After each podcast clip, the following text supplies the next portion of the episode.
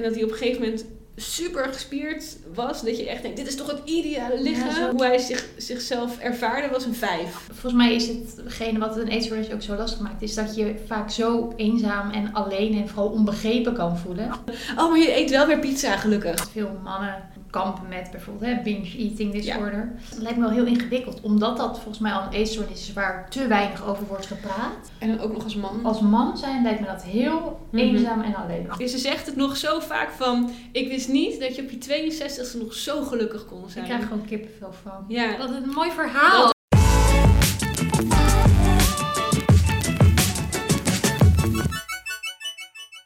Podcast 5. Een bijzondere podcast, want het is een bijzondere week. Het is namelijk... Eating Disorders Awareness. Ja, klopt. Dus dat voegt natuurlijk om een podcast over eetstoornis. Ja. Want wij vinden het eh, als Proud super belangrijk om eh, ook meer bewustzijn te creëren over eetstoornis. Maar eerst nog even terug naar deze week, naar afgelopen week. De jouw- proudmomentjes. Hoe was jouw week? Mijn week was eh, goed. Ja, ik heb echt... Gisteren vroeg iemand het ook al, maar soms heb je dat je gewoon niet eens meer weet wat je zeg maar gisteravond hebt gegeten. Maar om dan even te gaan naar wat was mijn proudmomentje van de afgelopen tijd. En dat was dat mijn moeder met een heel kort interviewtje in de Flow staat. Er was een klein artikel over hoe je van iets kleins, uit iets kleins een heel groot geluk kan halen. Zij heeft altijd paarden gehad vroeger, mijn moeder. Oké, ja, leuk. Dat was gewoon haar leven. En toen ging ze werken in de stad en kinderen. En dan verdwijnt dat uit je leven. En, maar dat is toch altijd blijven kriebelen. En ik ben toen gaan paardrijden als kind. En we hebben een vakantie door IJsland gemaakt. Paardrijvakantie. Een paard, bestaat dat? Ja, zeker. Je moet wel met je rijervaring hebben. Ja, maar dat is een gigantisch mooie vakantie. Dat je met, ik denk iets van ehm 80 paarden en 20 ruiters ga je dan gewoon door IJsland trekken. Dus het gaaf is, er rijden dan een aantal mensen voorop en een aantal mensen achterop. En tussen jou in rijdt een kudde van losse paarden. En halverwege ga je dan ook En, wisselen. en waar is je bagage? die gaat met een auto. Oké. En dan ga je van eh, hutje naar hutje. Ja, heel erg gaaf. Echt ontzettend dankbaar dat ik dat een paar keer zelfs heb eh, Wow. kunnen doen. Want ik weet, dat ja, niet iedereen eh, kan, kan Nee. het doen. Maar die liefde van, voor paarden, die heb je dus van je moeder. Ja, nou ja, ik rij zelf geen paard meer. Want ik ben een beetje een scheiterd. Ik durf het allemaal niet zo eh, heel erg goed. Ik doe het wel. Maar, eh, maar ja, goed, op een gegeven moment had zij daardoor, omdat het weer ging kriebelen en omdat ik Mhm. het ging doen, in een impuls een, een paard gekocht. Tika. En die Wat heeft, eh, toen, toen mijn ouders waren gescheiden en ik woonde met mijn moeder en mijn broertje met mijn vader. Ja. Want mijn broertje die zei, die had heel veel moeite met weggaan uit zijn ouderlijk huis. Dus die zei, we gingen eerst per week heen en weer. Oh ja. En toen zei hij, nee weet je, ik wil gewoon bij mijn vader blijven. En toen zei ik, oh nou, dan blijf ik bij mijn moeder. ik blijf lekker hier. ja, dus toen ben ik bij mijn moeder gaan wonen. En toen kocht ze een paard. En toen hebben wij heel veel eh, paard gereden. En op een gegeven moment verdween dat weer een beetje uit mijn leven. Ik ging studeren en andere Mhm. dingen doen en op mezelf wonen. En ja, toen werd zij dus ontslagen uit haar werk door een reorganisatie. En door een goede ontslagregeling en veel gespaard te hebben, heeft ze een goedkoop huis gekocht op het platteland. Waar ze dus een paard aan huis kon hebben. Inmiddels heeft ze drie, drie paarden. En die staan daar aan huis. En eh, ja, dat is mogelijk doordat ze eigenlijk en veel goedkoper is gaan wonen. Mhm. En veel simpeler is gaan leven. Dus eigenlijk door een soort van minder te hebben en simpel Heeft ze eigenlijk meer gekregen. heeft ze eigenlijk, ja, is haar droom uitgekomen. En ik vond het heel gaaf, want ze was jarig ook eh gisteren. En toen, Gefeliciteerd. dankjewel. Ze zegt het nog zo vaak van, ik wist niet dat je op je 62e nog zo gelukkig kon Ik zijn. krijg gewoon kippenvel van. Ja. Wat een mooi verhaal. Dat haar droom is gewoon helemaal op de, op de ja, 58ste is dat dan, is ze echt verhuisd. Is haar droom nog uitgekomen en zegt, ik knijp mezelf elke dag dat dit gewoon waar is. Maar ik vind het ook heel erg mooi dat je iedere dag daar nog dankbaar voor bent. ja, en ik ben heel trots op haar dat ze dat... eh, Nou, ik, ik, ja, ik dat is mijn, kippenvel. dat is mijn lief. proudsmomentje. En daarmee stond ze dus in de magazine, in de in de Flow. Flow Oké. magazine. Ja, in ieder geval online. Ik weet niet of dat in het echt ook zo was. En het was niet met een foto van haarzelf of zo. Ja, ik vind dat echt... eh, Nou, ik, ik eh, bewonder dat echt. Ik ook. En ik vind het heel inspirerend dat je dus... Ja, je- soms kan je het gevoel hebben van... Mijn jonge jaren, de bloei van mijn leven. Hierin moet het gebeuren. Ja, en als het niet is gebeurd, dan loop ik achter Ja. of zo. Maar het maakt niet uit hoe oud je bent. Je kan altijd nog een, een droom laten waarmaken. Nou, het is, dit is, kan jouw moeder niet in de podcast Ja, komen. echt, dit hè? is prachtig. Oh, Ja. dit was een goed moment. En toevallig, zij heeft ook haar hele jeugd met eetstoornissen geworsteld. Dus ja, het is, ja, ge geef nooit op, I guess, zou ik Nou. willen zeggen. Ik denk dat we hiermee de podcast kunnen afsluiten.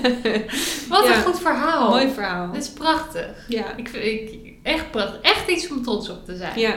Ja. Wauw. Ja, ik denk niet dat ik met mijn eh, trotse momentje hieraan kan tippen. Want dit is natuurlijk een prachtig verhaal. Nou, elk, elk moment of elke trots, hoe Ja. groot of klein ook, is natuurlijk waardevol. Ja, nee, dat is ook zo. Maar ik herken wel wat jij zegt, dat het zo'n week is dat je niet meer weet wat je gisteravond hebt gegeten. Toen jij dat net zei, dacht ik, ik kan het me ook niet meer bedenken. Nee, hè? Ja. Nee. Ook wel Soms grappig, dat. is natuurlijk meteen het thema van zo meteen. Dat je tijdens je eetstoornis precies wist wat je gisteren en nog drie weken geleden had gegeten. Ja, zeker. Eh, maar mijn trotse moment, ja. Eh, ik weet niet of dat nou echt trots was, maar meer gewoon waar ik wel content mee was, tevreden. Eh, ik was eh, afgelopen week in de supermarkt. ben ik wel eens vaker.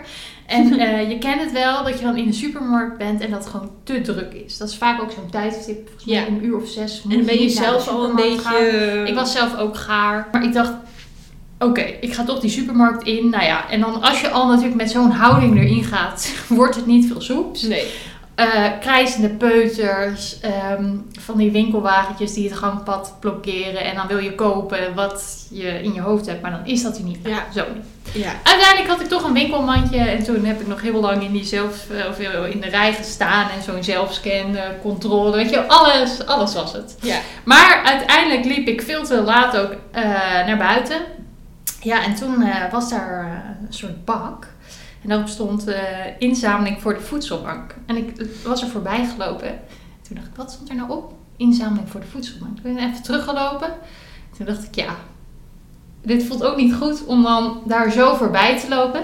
Dus toen heb ik toch mijn boodschappen daar maar weer ingedaan. Toen ben ik gewoon weer opnieuw de supermarkt ingegaan. Heb ik opnieuw alle obstakels getrotseerd. Oh. Maar ik was er wel content mee. Want ik dacht, ja, ik kan nu... En toen ik thuis ook met mijn boodschappen zat, toen dacht ik, nou, dat vind ik wel een fijn idee dat ergens, ik weet niet waar, iemand ook dezelfde boodschappen heeft. Ja. Daar was ik content mee. Dus ik weet niet of dat nou echt trots is, maar meer van, ja, ik was wel tevreden hoe ik dat heb gedaan. Ik geloof ook wel heel erg van, ik ben ook zo iemand die, als ik dan de komkommer ben vergeten af te rekenen, ga ik toch wel een keer een komkommer nog opnieuw afrekenen. Ik heb het gevoel dat je dat moet doen. Snap je? hey, en ehm, het is natuurlijk, eh, help nog één keer met de term. Eating Disorder Awareness Day. Oké, Week. Week. Eating Disorder Awareness Week. Dus dat vraagt om een podcast over. Eetstoornis En eh, bewustzijn. Ja, bewustwording. Vind jij dat er veel eh, bewustzijn, bewustwording is over Nou ja, ik zit, genoeg. ik zit natuurlijk helemaal in, in de bubbel. Dus ik weet niet hoe dat is voor iemand die daar niet in zit. Maar ik heb wel het gevoel dat er op sociale media over het algemeen... Nou heb ik het over sociale media. Maar ik denk dat er daar gewoon heel veel mensen op zitten en elkaar Ja. bereiken en in contact komen Mhm. met elkaar. Dus dat lijkt me een, een goed medium daarvoor. Eh, dat daar meer over mentale gezondheid in het algemeen wordt gedeeld. Dat heeft natuurlijk ook zijn voor- en zijn nadelen. Want het kan ook weer triggerend zijn. Ja. Maar ik denk dat het ook voor meer openheid en meer bewustzijn zorgt. En vind je dat meer dan, nou ja, toen jij hier bijvoorbeeld begon bij Proud? Eh, nou, toen was het ook al, maar ik denk dat het wel meer is geworden, eerlijk gezegd. Ook op die body positivity Ja. is zeg maar in die, in die tijd heel erg eh, weer opgekomen. En Jij zegt, ik, ik zit in een bepaalde bubbel, maar als je dan eh, bijvoorbeeld met nou, je vrienden of je familie over je werk praat, hè? Ehm, zijn mensen, ervaar dan dat mensen bekend zijn met eetstoornis? Of heb je dan toch het gevoel dat je soms nog echt heel erg moet uitleggen wat überhaupt een eetstoornis is? Nou, ik denk dat ik ook daarin dus in een bubbel zit. Want je omringt jezelf natuurlijk toch met gelijkgestemden. En niet dat iedereen altijd evenveel weet van eetstoornissen. Maar ik denk dat mijn vrienden op een bepaald level wel allemaal met hun mentale gezondheid en bewust leven. En Ja? hoe gaat het met je? Ja, al gaat het over stress of burn-outs of Mhm. dat soort dingen. Dat, dat, ja, daar, daar, daar hebben we het toch wel veel over met mijn vrienden. Terwijl als ik soms inderdaad misschien ergens kom nou, bij mijn familie of zo is dat dan niet echt een onderwerp dat, dat als ik op een familieverjaardag ben en ik leg dan inderdaad uit wat voor werk ik doe, dan Mhm. merk ik toch dat beeld op van, oh, eh, heel dun zijn, niet Ja. eten, dat dat vooral een eetstoornis is. Dat hele dunne meisje vaak, Ja. dat, ze, dat Ja. leeft dan nog. Ja. Terwijl je dus het gevoel hebt dat op social media vandaag de dag het veel breder is en mensen eh, zich meer bewust zijn van... Ja, ik vind Ja. dat je zou daar echt onderzoek naar moeten doen. Uiteraard. Eh, wil je hier iets... Maar het gaat natuurlijk om wat jouw ervaring is. Ja, mijn ervaring is dat er wel meer openheid in is. Maar mijn ervaring is ook dat ik het heel goed kan verwoorden op het moment dat het niet duidelijk is. En dat er dan toch wel weer een, een bepaald gesprek kan ontstaan. Terwijl ik herinner me ook nog dat ik vier jaar of vijf jaar geleden ook... Ik weet niet eens meer wat de situatie was, maar ik was pizza aan het eten. En er was iemand die ik niet kende, die zat aan ons tafeltje. Oh, die vroeg ook over mijn werk. En toen zei ik, ja, ik heb eetstoornis gehad. Ik werk nu als Mhm. ervaringsdeskundige. Oh, maar je eet wel weer pizza, gelukkig. Oh ja, Dus het gaat fijn dat het goed gaat. Ja, Oh ja, oh, Dus dat is ook nog leuk, die bijzin. Fijn dat het goed Ja, gaat. ja. Maar wat doe jij dan in zo'n situatie? Nou, soms eh, ligt aan mijn moed een beetje. Ja. Heb ik Mhm. zin om er, ga ik er iets over vertellen hoe dat zit. In dit geval dacht ik, nou ja, ja, Mijn pizza wordt koud. Ik heb eigenlijk geen zin in dit gesprek vandaag. En niet, Nee. niet omdat ik het stom, ik heb er ik gewoon niet altijd zin in om daar diep Nee, in maar dat, dat hoeft ook helemaal niet. En ehm, als je zelf zeg maar ook nog een gevoel hebt van, oh, ik ben raar, er is iets. Als je zelf daar misschien Ja. mee worstelt, komt zoiets ook veel harder aan Ja. dan wanneer je zelf weet en echt voelt van, joh, dit mag er gewoon zijn. Mhm. En ik denk dat ik wel op dat punt ben of zo. Want als je dit, deze opmerking 15 jaar geleden had, natuurlijk heel anders binnengekomen. Ja, maar dat zeg je heel goed eh, op de manier hoe het binnenkomt. Je kan het misschien ook wel dat je denkt, ja. Ja, van, van mij hoeft niet iedereen het te begrijpen.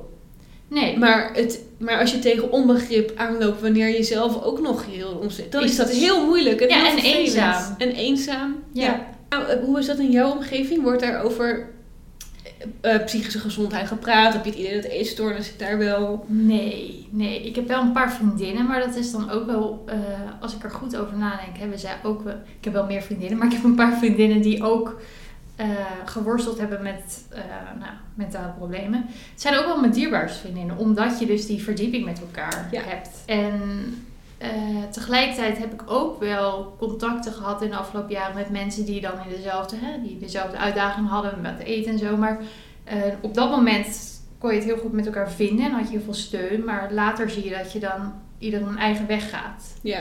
Ehm, maar wat betreft open zijn, ik vind dat toch wel lastig. Ik merk toch dat als ik dan op een verjaardag ben en mensen zeggen: Oh, heb je een nieuwe baan? Wat doe je dan precies? Ik, ehm, ik heb toch wel vaak het gevoel dat ik me moet verantwoorden of zo. Ja? Ja. In wat voor zin? Dat het nu echt beter gaat? Of, eh, Ehm, nee, niet eens dat, maar meer van wat je dan.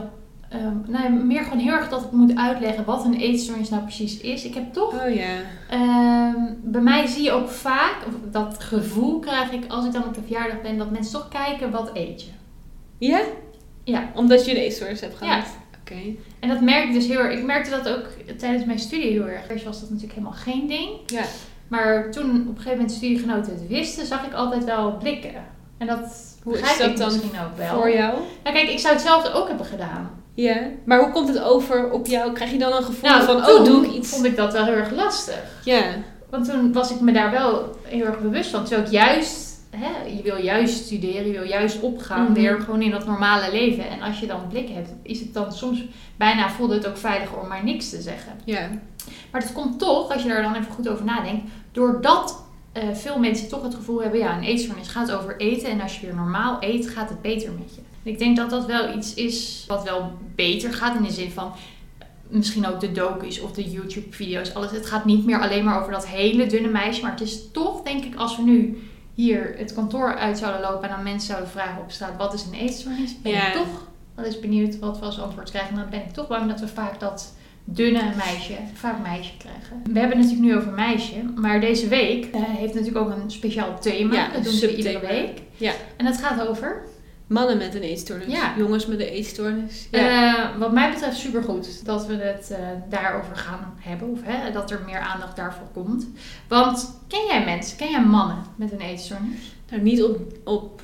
Oh ja, natuurlijk. Ja, via Proud bedenk ik Ja, nu. Maar, ik in even jouw omgeving? privé... eh, nee, ja. Ik, toen ik op de middelbare school zat, toen was er ook één jongen die had ook een eetstoornis. En wij werden dan met elkaar in contact gebracht door onze mentors. van, Zo'n eh, clubje. Misschien kunnen jullie elkaar... Ja, we gingen dan samen eten in de pauze. Ja, weet ik veel. Het is zelfs... Als je iemand wil helpen met eten, Ja, is ook het. moeilijk. En mijn mentor Ja. dacht, nou, misschien kunnen jullie samen lunchen. Oeh, Ja. dat lijkt me wel spannend. Het was vreselijk Ja. ongemakkelijk. Maar ja, het was zo goed bedoeld. En, Ja, het was ook, en ook met mijn mentor, met die twee mentoren en wij twee gingen dan lunchen en dan ging ze iets, had die mentor ging dan, had dan een Krusli, Eat Natural. Krusli was volgens mij toen nieuw helemaal. Ja, ja, ja. En daar was ze helemaal, dan ging ze dan zo over vertellen en ik dacht, ja, weet ik veel, hou op met je Het Krusli. voelt En als dan- een groot ding, maar ja, oké. ja, en dan probeert ze het gewoon luchtig te maken en, en leuk. En van, ja, dit is gezond en dan kan je, en, eh, ja, dan denk ik, Mhm. ja... Nou, het is zo goed bedoeld, maar het is ook lastig als je, het is ook lastig Ja. als je het niet begrijpt. Wat moet je nou doen? Waar heeft iemand iets aan? En, eh, maar er was daar dus wel een jongen die anorexia had, toevallig ook. Ja, en ik ken nu in mijn privéleven ook wel mannen die met, met eetbuien bijvoorbeeld worstelen. Ja. Mhm. Want dat, eh, ja, er wordt natuurlijk ook wel veel onderzoek gedaan, maar je Mhm. ziet ook vooral dat, het, dat veel mannen eh, kampen met bijvoorbeeld hè, binge eating disorder. Eh, en dat is, lijkt me wel heel ingewikkeld, omdat dat volgens mij al een eetstoornis is waar te weinig over wordt gepraat. Ja. En als dan En dan ook nog als man. als man zijn, lijkt me dat heel Mhm. eenzaam en alleen. Ja. En je, je weet daardoor vaak zelf ook niet eens dat je dus met een eetstoornis te maken hebt. Omdat daar te weinig over Ja, omdat je denkt, oh, eh, ik, ik, ik heb gewoon geen controle over mezelf. Zo ben ik gewoon. Ik, doe, ik moet gewoon wat meer ruggengraat hebben. Terwijl, nee, je hebt te maken met een eetstoornis. Dat Ja. is geen kwestie van even wat meer je best doen. Nee, en het is ook niet de ene eetstoornis, dan ben je sterker of dan ben je beter als je Ja. dat hebt. En eh, ja, maar dat het lijkt me zwaar als man zijn. En überhaupt is een eetstoornis zwaar, maar Mhm. ehm, volgens mij is hetgene wat een eetstoornis ook zo lastig maakt, is dat je vaak zo eenzaam en alleen en vooral onbegrepen kan voelen. Ja, hoe kunnen we daar iets tegen doen? Ja, ik denk door er toch gewoon meer over te praten, meer voorlichting over te geven. Anorexia, hele dunne meisjes met anorexia zijn natuurlijk ontzettend veel in het nieuws, in Mhm. films, in documentaires geweest. En je ziet nu ook dat er meer documentaires komen over Ja. andere eetstoornissen, andere soorten personen. is. Dat komt. Maar in al die jaren daarvoor is er veel meer van Mhm. dat andere geweest. Dus om dat beeld nog te veranderen, dat gaat, ja, Ja, terwijl als ik me dan gaat zo tijd over. afvragen hoeveel mensen wel niet worstelen, denk ik, met eetbuien. En dan Mhm. zijn dat zo Heel veel. veel mensen. Dat zijn ontzettend, het zijn veel meer mensen dan mensen die met anorexia. En worstelen hoe lekker zou het zijn als je weet dat je daarin niet de enige bent. Want juist dat stukje schaamte is echt verschrikkelijk, toch? Ja, en dat maakt het heel moeilijk om ook de stap naar hulp te zetten die je zo hard nodig hebt. Ja, waar ik me ook nog wel, ook wel zorgen over heb, is dat je natuurlijk, eh, nou hè, sportscholen die bestaan al heel lang, maar volgens mij, je hebt natuurlijk ook bepaalde soort hypes. En nu, eh, ik weet niet meer precies bij welke hype we zijn, maar je ziet in ieder geval veel mannen bulken, proteïne. Eh, ik denk dat daar ook wel een stukje. eh, dat wordt volgens mij een beetje gezien als ja, dat, dat doen mannen nou eenmaal of dat is normaal als je naar de sportschool gaat. Maar vergis je niet hoeveel mensen daar, of mannen ook, daarmee worstelen, denk ik. Ja, zeker. Eh, want ook dat is volgens mij hè, een, een verstoorde relatie die je, het hoeft niet altijd, maar ook dan kan je vrij gemakkelijk eh, en snel denk ik een verstoorde relatie met eten ontwikkelen. Als je van jezelf alleen nog maar eiwitten mag of als je alleen maar eh, gespierd moet zijn. Ja, dat je zo erg focus legt op mijn lichaam moet er zo uitzien, want anders... We hebben eerder ook een interview gehad. Volgens mij, nee, er was een documentaire met daarin Ricky Frisse en Ja. Ivo de Ruiter. Heb ik gezien. Ivo hebben we ook in podcast wel gesproken, video's meegemaakt, blog van hun is online gekomen. Mhm. En zij maken ook ontzettend goede content op Instagram hierover. Beide, eh, correct me if I'm wrong, maar in ieder geval bezig met voeding, fitness, Mhm. coaching. Mhm.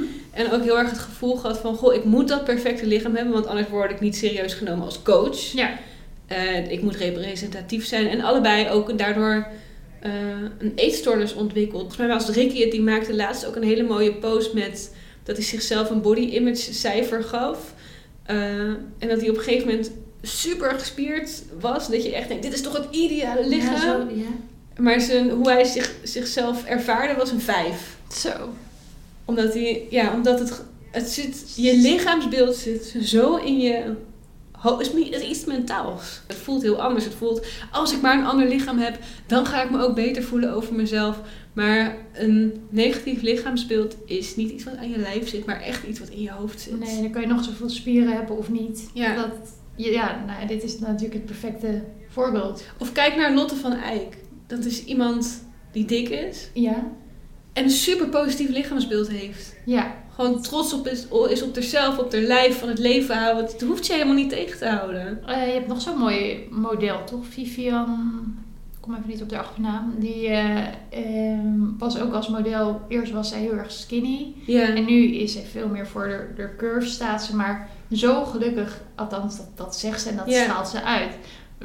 Ja, dat, dat, ik, ik hoop wel heel erg dat we steeds meer van die voorbeelden gaan zien. ja, Maar ik vind het dus ook belangrijk dat mannen, nou ja, hè, zoals een Ivo een Ricky, dit naar buiten brengen. Want ehm, ja, ik kan me voorstellen dat het namelijk best mensen zijn waar je heel erg naar op zou kunnen ja, kijken. en zoals kleine meisjes dan opkijken naar modellen, vind Ja. ik het supergoed dat er ook andere modellen komen. Is dat ook voor mannen super belangrijk. Ja. En niet gewoon dat het normaal is, ja, mannen gaan nu eenmaal naar de sportschool en dat is gewoon, dat, dat is oké of dat is normaal. Of dat, dat, dat, tuurlijk is de sportschool prima, maar ik vind het wel belangrijk dat we ook he- erover hebben eh, welke gevaren daar op de loer liggen. Ja, alles is natuurlijk helemaal relatief. Ook vond ik een hele lastige eh, van... Oh ja, bewegen is in theorie natuurlijk gewoon goed en gezond Ja, wordt ook je. gewoon door, weet ik wat, het voedingscentrum of alles. De, Ja. de huisarts zegt het ook gewoon letterlijk zo. Bewegen is goed voor je, elke Ja. dag bewegen. Maar, maar als je daar in je hoofd geen goede relatie mee hebt, dan kan het ook heel ongezond worden. Dus het gaat veel meer over hoe is dat mentaal voor je. Ja. Maar dat, ik zei dat toch laatst tegen jou, van dat eh, bij mij dan in het dorp hangen over posters van in de maand maart gaan we lekker bewegen en zoveel stappen per dag. Ja. denk, maar weet je hoe gevaarlijk dit is? Doelen stellen kan ook heel goed zijn, maar ik denk dat dat ook snel obsessief kan worden. Zeker wanneer je niet lekker in je vel zit. Ja, en sommige mensen zijn daar ook in, precies dat, sommige Ja. mensen zijn daar nou eenmaal gevoeliger voor. Ja, en dan zou ik daar ook van, van wegblijven en kijken hoe kan ik op een, op een gezonde manier bewegen. Naar mijn lichaam leren luisteren. Ja, en misschien is dat, we hebben het over bewustwording en bewustzijn, misschien moeten we daar ook veel meer op Ja. inzetten. hey, we hebben natuurlijk ook gevraagd aan onze Proudies. Ja, wat zeggen zij? Ehm, nou, we hebben natuurlijk allereerst gevraagd van eh, hè, bewustwording. Vind je dat er vandaag de dag genoeg bewustzijn omtrent eetstoornissen is? Ja, dat vind ik wel. Steeds meer of nee, absoluut niet. Hm. Ehm grootste procent, of grootste gedeelte zegt nee, absoluut niet. Tegelijkertijd is er wel een grote groep die ook zegt steeds meer. En dat sluit misschien mooi aan op wat jij ook al eerder zei. ja. En ik ben wel blij dat, er, eh, dat 44% dat ook zegt. ja, en ervaart. dus En ervaart. Ehm, en volgens mij is dat alleen maar een uitnodiging om dat meer te blijven doen. En dat sluit mooi aan op de tweede vraag. Namelijk, hoe kunnen we nou meer bewustzijn omtrent eetstoornissen? eh nou, hoe kunnen we dat bewustzijn eigenlijk vooral vergroten? Ja, Eh, er zijn heel veel antwoorden op binnengekomen. Laten we maar meteen beginnen. Het stereotype beeld van anorexia veranderen. Ja, nou, daar hebben we het natuurlijk daarnet al uitgebreid eh, over gehad. Meer voorlichtingen op school. Nog meer mediacampagnes. Ik denk dat dat ook wel belangrijk is. Iemand reageerde ook even persoonlijk hierop via de DM van... Het is natuurlijk heel goed dat wij deze week hebben. eh, en dat we op Insta hier berichten over delen. Maar eh, je had het net al over. We hebben wel een bepaalde bubbel hier. En eigenlijk zei die desbetreffende persoon... moet dit toch op een groot nieuwsmedia... of, of een groot eh, krant of een... weet ik veel wat, een NA Nieuws of iets. Snap je?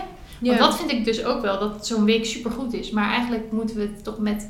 Hè, we hebben het over het gesprek aangaan. Nou, dat moeten wij niet alleen doen, maar dat moeten we op straat doen, toch? Om Ja. juist dat beeld te kunnen veranderen. Persoonlijke verhalen. Ook een mooie. Vind ik ook een mooie. Ja, want ik denk ook dat dat... Je, hè, als zo'n Ricky zo'n verhaal deelt, dan kan je, hey, dan kan je erin herkennen. Dan denk je, Ja. hey, ik ben ook zo'n Ricky. En je kan natuurlijk kijken naar, weet je, de DSM-5, de cijfertjes. Dit is in theorie Ja. een. Maar een eetstoornis gaat ook zo erg over eh, hoe je je voelt. En niet alleen over de symptomen, maar van waarom ontwikkel je nou een eetstoornis? Hoezo loop je daar tegenaan? Waar gaat het echt, over? Ja, Niet over eten uiteindelijk. Tuurlijk, Nee. heel belangrijk onderdeel en goed om daar weer een, een goede relatie mee op te bouwen. Maar het gaat veel meer over. En, en dat is ook denk ik iets waar veel onbegrip in is van, joh, eet gewoon weer een boterham. Als, het, als maar iemand dat goed is ook eet, wat mensen kunnen goed. zien, hè? Ja. Dus daarom is het zo goed om dat gesprek aan te gaan. Ja, eetstoornis gaat ook over vertrouwen hebben in de toekomst, met emoties kunnen omgaan, eh, traumaverwerking. Mhm. Dit zijn, ja, dat, dat, ja. het gaat over, le- over leren Over leven, leven. durven leven, kunnen leven. Oh, Ja. ja, dat, dat is zo. Ehm, nou kijk, iemand zegt ook het grote nieuws bereiken. Mhm. Ehm, meer video's over wat het is en voor de omgeving hoe ermee om te gaan. Ik denk dat het ook heel belangrijk is. Ja. Eh, ik ben zelf juf en herstellende en vind dat er op middelbare scholen meer aandacht voor mag zijn. Nou, dat ben ik gewoon helemaal mee eens. Eh, Je leert veel op eh, de middelbare school, maar je Hoe leert ook te weinig over deze dingen. Zou het zijn als je gewoon op school, en dan niet eens over eetstoornissen, maar dat je gewoon les krijgt in hoe zorg ik goed voor mezelf? En mentale gezondheid en veerkrachtig in het leven staan. Nou ja, wat jij In natuurlijk in je laatste video heel goed zei, van we zouden allemaal wel eens even naar de psycholoog moeten gaan. Ja, Toch gewoon even in een moeilijk periode. even Juist, ja, maar juist ook als het nog niet goed, slecht met je gaat. Of als Ja. het- hoe belangrijk, ook voor al die wachttijden, is dat toch de oplossing? Dat Ja. je meteen ingrijpt in plaats van dat je erheen gaat als, als je niet meer kan. Nou, eh, dit is wel mooi, die heb je ook daarnet al een beetje gezegd. Duidelijk maken dat het een mentale stoornis is. En meestal niet te zien is aan de buitenkant. Ja. Want dat is ook Superbelangrijk. onbegrip waar mensen. eh, want, oh ja, het kan lastig zijn als je omgeving je niet begrijpt. Maar wat ook heel zorgelijk is, is dat wanneer er veel onbegrip is. En misschien ook bij jouzelf Mhm. nog, omdat je niet goed weet wat is een eetstoornis nou eigenlijk. Dat je dus je eigen eetstoornis niet herkent, niet erkent. Nou ja, ik, ik denk dat ik dat ook wel had. Dat ik dacht, Ja. ik ben genezen als ik weer normaal eet. Ja, En daarom vond ik het misschien toen nog wel het allerlastigst dat ik weer normaal had en dat ik op een gezond gewicht zat. Want toen dacht ik, maar wacht even. Ik voel me, eh, dit, dit, dit, dit, ik ben er nog niet. Ja, of dat je als je met eetbuien worstelt, Ja. dat je dus niet denkt, oh, ik moet gewoon eh, dit dieet proberen. Ik moet Ja, gewoon wat dan, sterker eh, zijn. Ik moet gewoon... Ja, en dan zijn ook je, al je problemen opgelost of zo. Ja, precies. hey, ehm, misschien wel een mooi bruggetje, want wat is nou het grootste vooroordeel over eetstoornissen? Dat hebben we gevraagd. Ehm, er zijn een hele hoop vooroordelen binnengekomen. Ehm, nou, dit is misschien een klassieker, dat alle mensen met een eetstoornis dun zijn. Ja. Eh, dat je hersteld bent als je op gewicht bent. Ja.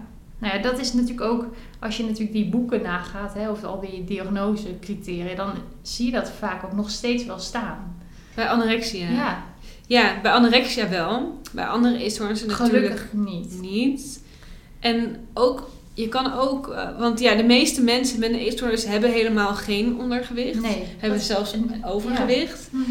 Eh, en ook als je nog geen ondergewicht hebt, kan je anorexia hebben. Ja. Heet het atypisch anorexia. Mhm. Dat betekent dus niet anorexia die minder erg is. Nee. Maar anorexia nee. die niet volgens aan die DSM-criteria doet, maar nog steeds gewoon een, Ja. een eetstoornis die hartstikke serieus en erg Ja. is. Waar je ook, als je nog geen ondergewicht hebt, je lichaamsschade mee doet. Maar bovenal gewoon jouw levenskwaliteit beïnvloedt negatief. En dat is gewoon, dat is al reden genoeg om hulp te zoeken. Het gaat niet om hoe fysiek ziek je wel of niet mag, nee, en moet zijn. je kan ook als je normaal gewicht hebt ontzettend ondervoed zijn. Ja. En dat kan ook ontzettend maar het gaat zijn. over jouw kwaliteit van leven. En Ja, en dat moet je op ieder moment van je leven, ongeacht wat je weegt, serieus nemen. Ja. De gewichtkwestie. Dat we eten haten. Oh, die vind ik ook wel mooi. ja, is ook niet zo, hè? Je kan hartstikke erg van eten houden. Nou ja, waar ik wel eens benieuwd naar ben, had jij vroeger gedacht dat je een eetstoornis zou ontwikkelen? Eh, nee, ja, nee, dat denk ik, dat, dat weet je niet van Nee, maar kijk, ik. Nee, nee, nee, maar kijk, je kan wel denken van, oh ja, ik. eh, ik, ik zal het even bij mezelf houden. Ik had bijvoorbeeld wel mensen in mijn omgeving die dan een eh eetstoornis hadden. eh, of op jonge leeftijd. En dan dacht ik, nou, dat kan ik me echt nooit voorstellen. Want ik hou zo erg van eten. Dat zou echt, dat zou ik niet kunnen. Snap je wat ik bedoel? Ja, ik snap wat je bedoelt. En dan is het raar als je een paar jaar later zelf een eetstoornis hebt. Maar meer dat je gewoon. Ik kon het, en dat heeft eigenlijk heel erg mee te maken. Ik hield zo erg van eten dat ik dacht, nou, ik zou mezelf nooit die broodjes of die eh, koek kunnen Ja. ontzeggen of zo. Ja, Wel, volgens mij, maar ik weet niet hoe dat voor jou was. Tijdens mijn eetstoornis vond ik eten nog steeds heel erg leuk. En keek ik daar ook heel erg naar uit. Ondanks dat ik bang was dat ik aankwam. Of...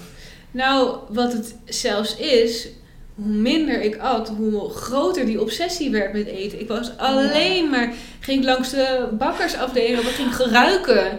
Ging ik Ja. door blaadjes Ja. bladeren. Ik was alleen ik maar dat alleen maar op die... obsessief. eh, en wat dan in de bonus was. Dat ging allemaal... Ja, Ja. logisch. Want op een gegeven moment raak je honger, honger signalen verstoord, verstoord. ja. Dat, dat voel je op een gegeven moment. Maar jouw lichaam wil jou alsnog op een bepaalde manier laten weten... Hallo, ik heb eten nodig. Dus je krijgt een onwijze obsessie met... Dus het is heel hartstikke slim van je lichaam en juist heel erg logisch. Het maakt je niet iemand met een nep eetstoornis... Nee. omdat je dus wel van, van eten nog steeds houdt. Het is juist ik denk dat, dat, dat die obsessie met eten en het tegelijkertijd niet durven. Het is eigenlijk dat hele grote contrast, dat grote gevecht en eten speelde de allergrootste rol in mijn leven. Ik was daar elke Ja. seconde van de dag was ik daarmee bezig en niet Ik, meer had, met ik droomde daar volgens mij zelfs Ook als ik het niet at. Ik was Ja. daarmee bezig. En we hebben het natuurlijk over praten en bewustwording. Maar ik denk dat dit ook zo belangrijk is. Want ik, ehm, dat was ook een beetje, ik heb ook die ervaring. Dat was ook mijn geheim. En toen ik pas in behandeling ging, toen ontdekte ineens dat iedereen dat, of iedereen, nou eigenlijk iedereen daar met een eetstoornis zo obsessief bezig was. Ehm, maar ik, ik vond daarin ook wel een stukje rust of zo. Snap je? Ja, het oh, ik ben niet vult... gek. eh, oh, Ik- zo, ja. nee, maar ja. meer van, tuurlijk, het vult ook, het, eh, hè, tijdens je eetstoornis, is dat ook je focus? Is het ergens Ja, en dan is er geen ruimte voor andere Nee, dingen. Dat precies. is natuurlijk het hele... Maar tegelijkertijd vond ik het ook wel heel erg fijn toen ik dacht, oh, dus jij doet dat ook. Ja. Want ik was ook altijd heel erg bang in de supermarkt. Dat ik dacht, mensen her- herkennen ze me nou? En zou het supermarktpersoneel het opvallen? En eh, Ja. zou ik de enige zijn die dit doet? Maar, nou ja, eh, misschien een mooie boodschap. Je bent erin niet alleen. Nee. En dat willen we denk ik ook met deze week eh, als Proud, maar volgens mij als elke hulporganisatie uitstralen. Ja, en ik denk dat begrip en herkenning iets kan zijn eh, voor je omgeving, heel belangrijk. Maar als we het dan zeg maar toch over die bubbel hebben en de mensen die het bereikt, die er zelf mee worstelen, is het denk ik ook alsnog heel goed en, en, en functioneel en belangrijk om eh, dit toch tegen te komen. Juist omdat dat zelfs al weet je dat je een eetstoornis hebt, er toch bij jezelf nog gigantisch veel onbegrip kan zijn. Ja. Ja, dat zeg je heel goed. Waardoor het heel moeilijk is om jezelf serieus te nemen, om jezelf hulp toe te staan, om eerlijk te zijn. Dus ook voor mensen die zelf een eetstoornis hebben, is, is, zijn dit soort weken en initiatieven denk ik heel helpend en belangrijk. Ja. Supergoed dat het eh, bestaat. En ehm, ik denk dat we misschien ook moeten afsluiten met de boodschap: je bent niet alleen. Eh, en mocht je wel alleen voelen, weet dus dat er meer mensen zijn. eh, en dat er ook dus hulp is. Eh, je mag bij ons altijd op het platform komen in de chats, op het forum. Ja. We hebben veel blogs van gastbloggers. Hè? En dat laten we natuurlijk ook zien. Van En hoeveel ook mensen als je nog niet toe bent aan tips of adviezen, Ja. gewoon je ei kwijt kunnen. Horen dat je niet alleen bent, iemand die het Maar ook misschien een stukje herkenning. Ja. Dat je je herkent in een verhaal. Net zoals er allemaal andere goede organisaties zijn die ook hiermee aan meedoen deze Ja, week. kom lekker vooral anoniem toetsen of jij wel of niet gek bent Kom geworden. lekker meelezen. Zou ik zeggen. Stille meelezer. Ja, nee, maar ja, dat is hartstikke, hartstikke goed, denk ik. Ik Want- denk dat dat ons ook toch destijds op de een manier ook heeft geholpen. Dus, eh, Ja, ik kan niet zeggen, je mag je niet gek voelen. Want dat is... Maar kom het dan vooral toetsen. Ja, Ja. kom gezellig Het langs. voelt ook gek. Het is zo, maar je bent het niet. Nee, je bent zo. niet gek. Je bent niet alleen. En Ik Ja. vind het mooi worden om mee af te sluiten. ja, zeker. Ik ook. Ehm, wij zien jullie, of wij, jullie horen ons in eh, de volgende podcast. Eh fijne, fijn weekend. Fijn weekend. En eh, veel liefs. Take care.